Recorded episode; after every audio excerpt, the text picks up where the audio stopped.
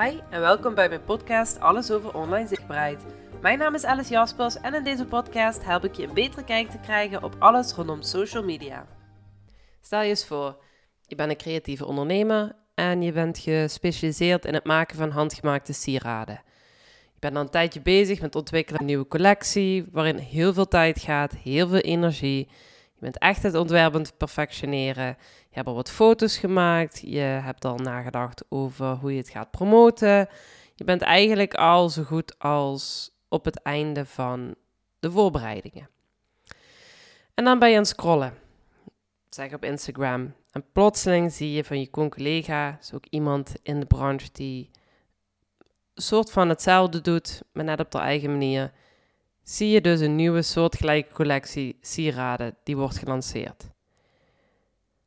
Je voelt een mix van emoties. Uh, teleurstelling, verrassing, twijfel aan je eigen product, boosheid dat je niet eerder was. En je hebt eigenlijk al geen zin meer om zelf te gaan lanceren. Wat hierbij belangrijk is, is dat je eerst even een stap terug doet en je emoties heel even laat zijn. Ga nooit beslissingen nemen of reageren op emoties. Maar niet in welke situatie. Maar dit is iets, dit kan je vaker voorkomen. En vooral omdat we nou allemaal online zijn en ook wel onze collega's in de gaten houden, kun je wel eens iets zien waarvan je denkt, ah, daar was ik net mee bezig, of uh, dat had ik zo graag willen doen, of waarom ben ik daar niet op gekomen? Ik had dat zelf afgelopen week, dat is ook uh, waarom ik deze podcast als inspiratie heb. Ik had een gesprek met uh, Linda van Renewals by Lin en we gingen samen brainstormen over cadeautjes voor workshops die ik ga geven, cadeautjes voor mensen die in mijn traject stappen. En allemaal leuke goodies die wel bij mij passen, bij de boodschap die ik wil brengen. Nou hebben we dus meerdere ideeën uitgewerkt en uh, ongeveer drie uren later ben ik dus op social media aan het scrollen. En zie ik dus iemand die ik heel goed ken, een collega. Misschien luistert ze dit zelfs wel.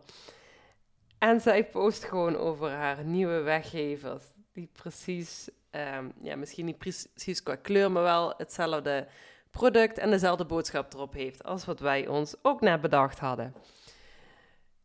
En waar ik een jaar geleden echt nog wel een hele dag ervan ehm, van de kaart zou zijn geweest, moest ik er nu heel hard om lachen.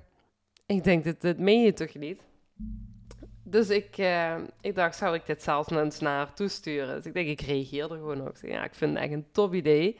Zo goed zelfs dat ik het zelf ook vanmorgen nog besproken heb. Maar goed, uh, ik zeg geen, uh, geen probleem. Het is gelukkig nog in de besprekingsfase. Er is niks besteld. Dus we gaan gewoon voor een ander idee. En wat mij positief verraste, en ik heb dat eigenlijk toch uit emotie gestuurd, omdat ik moest lachen om de situatie. Ik denk, nou ja, dan kan ik in ieder geval een compliment geven dat het een heel leuke weggever is. Wat mij verraste was um, het antwoord, waarbij eigenlijk werd gezegd van, oh, dat ben je niet. Um, kijk, nou, mij maakt het niet uit. Jij mag hetzelfde uh, cadeautje weggeven als ik hoor. Dat is geen enkel probleem. Dat is uh, no hard feelings, weet je.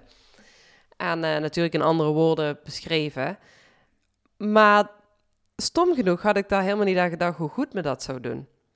Hoe goed het mij zou doen om te horen en niet uit een aanname af te gaan van oké, misschien denkt ze dat ik haar kopieer als ik dat ook doe.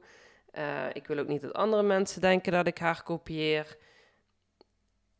En ik had nooit gedacht dat die reactie van, als je dat zou willen doen, ik vind het, ik vind het alleen maar leuk, hoe goed mij dat zou doen. Want wat er nou gebeurde was, ik ging toch voorheen altijd van de aanname uit, mensen denken dat ik iemand kopieer. Hè? Ik bedoel, het is heel moeilijk als je in dezelfde branche zit, zeker ook met social media, om dan niet um, hetzelfde te doen. Maar het grappige is, ik weet hoe iedereen het op haar eigen manier doet.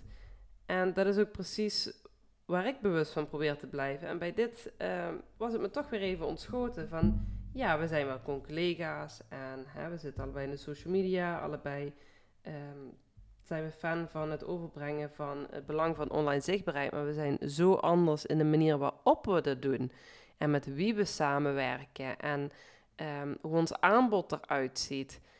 En er zijn zoveel mensen die kunnen we niet allemaal tegelijk helpen. Dus ik ben enorm fan van netwerken. Ik ben ook enorm fan van samenwerken. Zelfs al zal diegene precies hetzelfde doen als ik, sta ik nog open om samen te werken. Omdat dat is, dat is waar de kracht van ondernemen in zit. Samenwerken. Kom jij dus de volgende keer in zo'n situatie terecht waarbij je denkt: oh nee, had ik dat maar gedaan? Of oh nee, daar ben ik mee bezig. Laat dan eerst even de emoties zijn voor wat het is. Ben je al zo ver in het proces dat je denkt: mm, ik kan eigenlijk niet meer terug, kun je altijd ervoor kiezen om contact op te nemen. Om in ieder geval te laten weten van, hey, ik heb dat vandaag gezien. Weet dat ik een, met iets soort bezig ben geweest. Al sinds, noem misschien ook de, de tijd. Ehm, maar ik wil je alleen even zeggen, niet dat je denkt, ik heb dat gekopieerd. Ik zie het nu toevallig, ik kan ook niet meer terug. Maar dan weet je in ieder geval dat er geen andere intentie achter zat. Zo kun je het voor jezelf, kun je het accepteren en verwerken. Maar zo kun je ook zorgen dat er geen aannames de deur uitgaan die je niet wil. En waarom zou je niet samenwerken? Misschien is het wel een dienst die je zou kunnen combineren. Misschien kun je op een andere manier samenkomen om ook van elkaar te leren. Er kunnen alleen maar mooie dingen uitkomen. Houd je focus dus op je eigen weg, jouw eigen creatieve proces. Werk samen waar je kan en vooral maak je niet te druk. Wil je nu meer leren over hoe je jouw weg in online zichtbaarheid kunt vinden? Volg je dan via happily.virtual. Laat mij via DM je bevindingen weten uit deze podcast. Vergeet je niet te abonneren, zodat je melding krijgt als de volgende aflevering beschikbaar is.